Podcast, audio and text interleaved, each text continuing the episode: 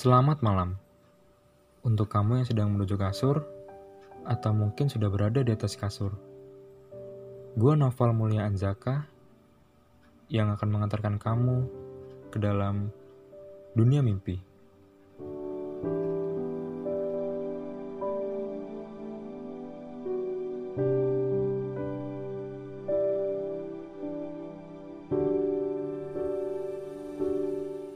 Halo, gimana kabarnya? Semoga dalam keadaan baik-baik saja ya. Dan buat lo yang mungkin sedang tidak baik-baik saja, semoga bisa segera baik-baik saja. Sebelum memulai podcast episode pertama ini, gue ingin lo tetap jaga diri dan jaga kesehatan. Mungkin gue bakal tambahin juga, lo jangan ke mana-mana, tetap di rumah aja. Dan buat lo yang bosan dengan keadaan ini, lo nggak sendirian karena gue juga merasakan hal yang sama. Tapi mau gimana? Keadaan inilah yang membuat kita untuk tetap di rumah aja. Karena ya, yang seperti kita ketahui, di Indonesia khususnya sedang memberantas wabah COVID-19 ini. Atau Corona. Jadi semoga teman-teman bisa tetap di rumah aja. Kalau nggak penting-penting banget ya, jangan keluar lah ya. Oke, kita mulai podcast untuk malam ini. Lu pernah denger nggak sih kata friendzone? Gue yakin sih mungkin dari teman-teman sekalian pernah denger kata friendzone. Dan gue nggak tahu kalau lu pernah ngerasain apa enggak friendzone. Semoga sih enggak ya, semoga enggak. Karena mungkin kalau ada di fase itu bener-bener kayak ah ya udahlah kayak ya udahlah pasrah gitu kan. Karena mungkin buat teman-teman yang belum tahu friendzone itu kan identik kayak perasaan suka berlebih atau sayang yang berlebih atau apa ya lebih kompleksnya itu adalah rasa ingin memiliki gitu rasa ingin memiliki lebih dari sekedar teman. Namun naasnya perasaan itu muncul di antara pertemanan gitu. Jadi kayak anjir gue mesti ngapain gitu?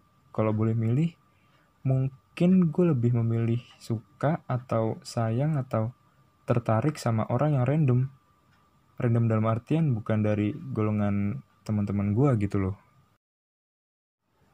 Karena posisinya kalau misalkan kita suka atau berharap sama teman kita sendiri, bener-bener kita bingung, iya gak sih?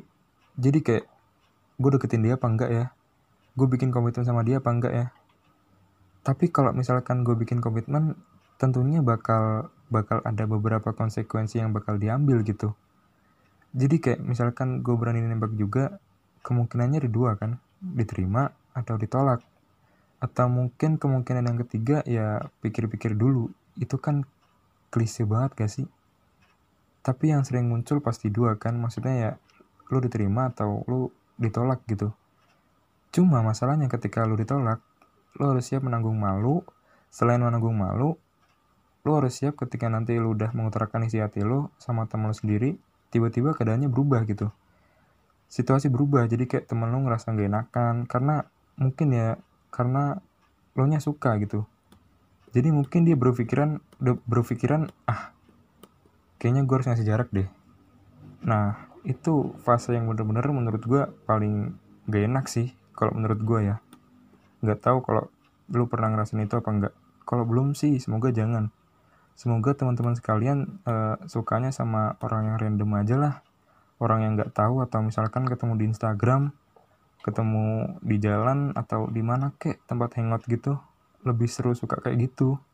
Uh, maksudnya kalau kayak gitu kan enak ya ketika bukan dari golongan pertemanan itu nggak ada pikir dua kali dalam artian ya udahlah gue kejar dia gue deketin dia gue PDKT kalau jadian syukur kalau enggak ya udah gitu tinggalin gitu.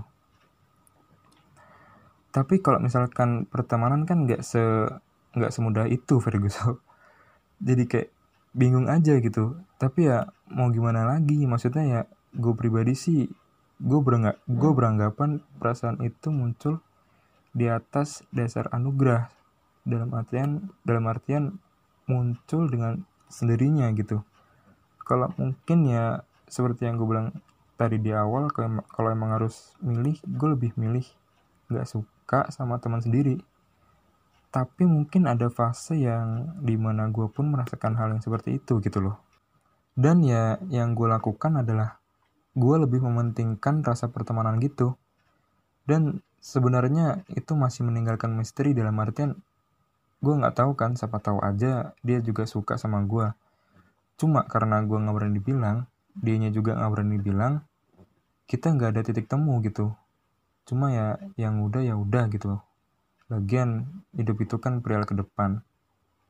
Cuma yang unik dari friendzone, dari friendzone itu kita bisa ya, ini mah gue gue nyeritain diri gue pribadi sih. Kalau ngomongin orang kan gak baik juga gitu kan. Ya, kalau kita suka sama teman sendiri gitu kan, perasaan sukanya tuh beda. Kalau gue boleh bilang, mungkin rasa suka dan rasa sayangnya itu lebih tulus, ya gak sih? Sepakat gak?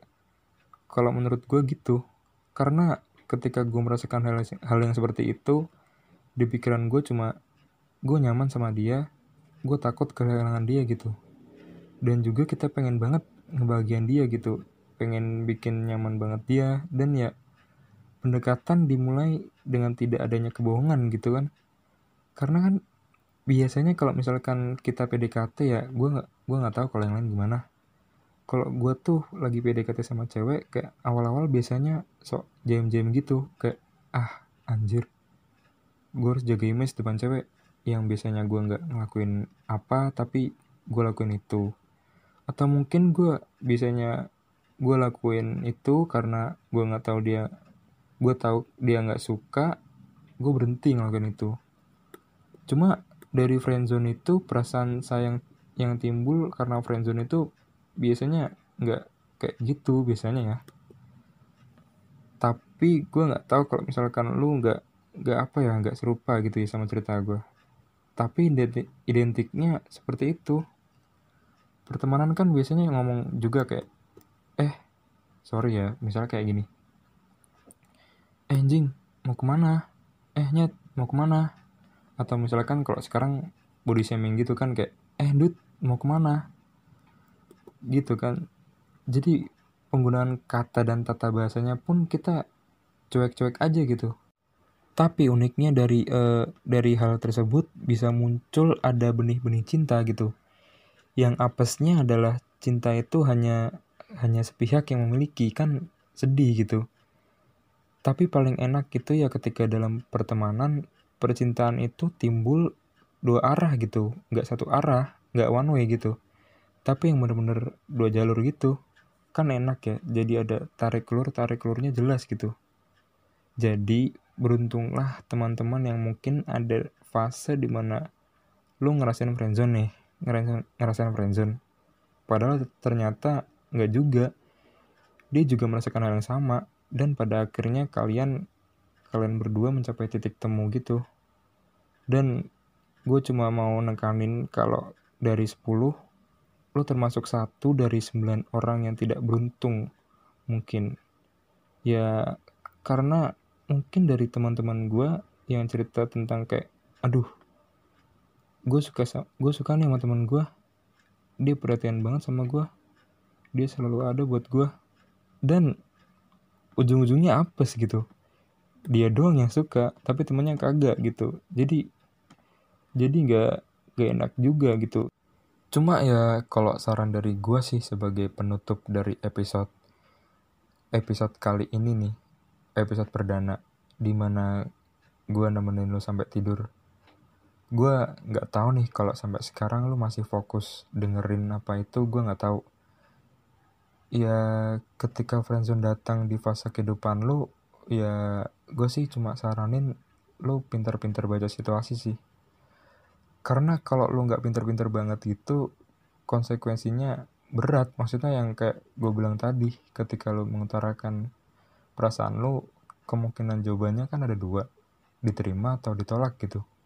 Kalau misal kayak jalanin aja dulu atau aku nggak bisa ngasih jawaban sekarang itu menurut pendapat pribadi gue kayak nolak halus gitu. Dia tuh nggak berani ngomong sorry ya gue nggak suka sama lu gitu. Cuma karena nggak mau nyinggung perasaan hati lu ya ter terlontarlah kata-kata itu. Jadi kayak ketika lo merasakan friendzone itu gue saranin lo harus pinter baca situasi gitu. Ketika situasi dianggap menurut lo kayak ah dia suka nih suka juga sama gue ya sikat lah ya maksudnya lo perjuangin lah perasaan lo gitu tapi pakai cara yang nggak bikin dia aneh nggak bikin dia berubah nggak bikin dia beda nantinya gitu. Dan alternatif yang lain uh, lu bisa coba tanya teman-teman dia yang mungkin dekat juga sama dia mau cewek atau cowok. Lu coba tanya sama dia lu gali informasi tentang dia. Dalam artian lu tanya sebenarnya dia juga suka nggak nih sama lu tapi kalau misal temannya bilang wah kayaknya enggak deh. Soalnya dia lagi suka sama ini nih. Nah kalau udah kayak gitu jangan cukup satu. Jangan cukup satu survei gitu. Karena kalau satu survei gitu belum tentu bisa membuktikan. Lu survei lagi sama teman-teman yang lain. Lu tanya nanti kalau udah kekumpul datanya semua tuh lu bisa nyimpulin. Dia juga suka nggak sama lo kalau kesimpulannya suka ya lu perjuangin. Tapi kalau uh, cuma lo doang yang suka saran gue sih mendingan lo pendem aja perasaan lo gak usah terlalu berharap banget sama dia. Daripada lo paksain ujung-ujungnya adalah lo akan kehilangan dia untuk selamanya. Karena ya kemungkinan besar ketika dia menolak lo dia akan ngejoin lo gitu. Jadi kayak dia merasa seolah-olah berdosa merasa bersalah gitu. Kayaknya gue nggak enakan nih kalau masih deket. Gue seolah-olah PHP gitu kan. Jadi dia ngejoin lu. Kan itu kan gak enak gitu yang di mana posisi lu tuh nyaman nyaman dengan bisa deket sama dia. Jadi uh, lu harus bisa pinter-pinter baca situasi sih. Gue bukannya sok-sokan nyeramain sih. Cuma ini kayak sharing doang gitu pengantar kalian sampai tidur. Dan gue ketika di fase ini belum pernah berhasil karena gue lebih memilih rasa pertemanan gitu. Dan konsekuensinya pun terlalu besar buat gue pribadi sih. Jadi untuk episode friendzone malam hari ini dicukupkan sekian. Semoga sekarang teman-teman sudah memasuki dalam dunia mimpi dan semoga kamu mimpi indah gue Novel Mulyanzaka sampai bertemu di episode selanjutnya. Good night